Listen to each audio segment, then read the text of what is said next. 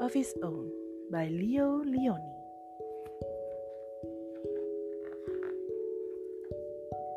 Parrots are green, goldfish are red, elephants are gray, pigs are pink. All animals have a color of their own, except for chameleons. They change color wherever they go. On lemons, they are yellow. In the heather, they are purple. And on the tiger, they are striped like tigers. One day, a chameleon who was sitting on a tiger's tail said to himself, If I remain on a leaf, I shall be green forever, and so I too will have a color of my own. With this thought, he cheerfully climbed onto the greenest leaf.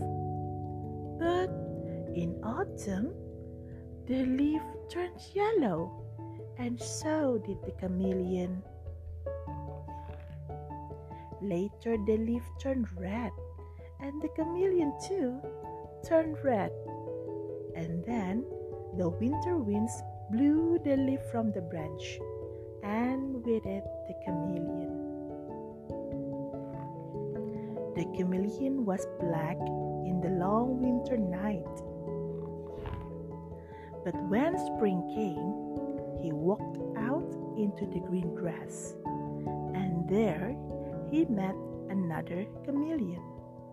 He told his sad story. Won't we ever have a color of our own? he asked.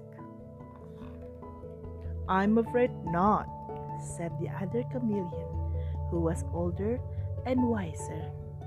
But, he added, why don't we stay together? We will still change color wherever we go, but you and I will always be alike. And so they remained side by side. They were green together, and purple, and yellow, and red with white polka dots, and they live happily ever after. P.M.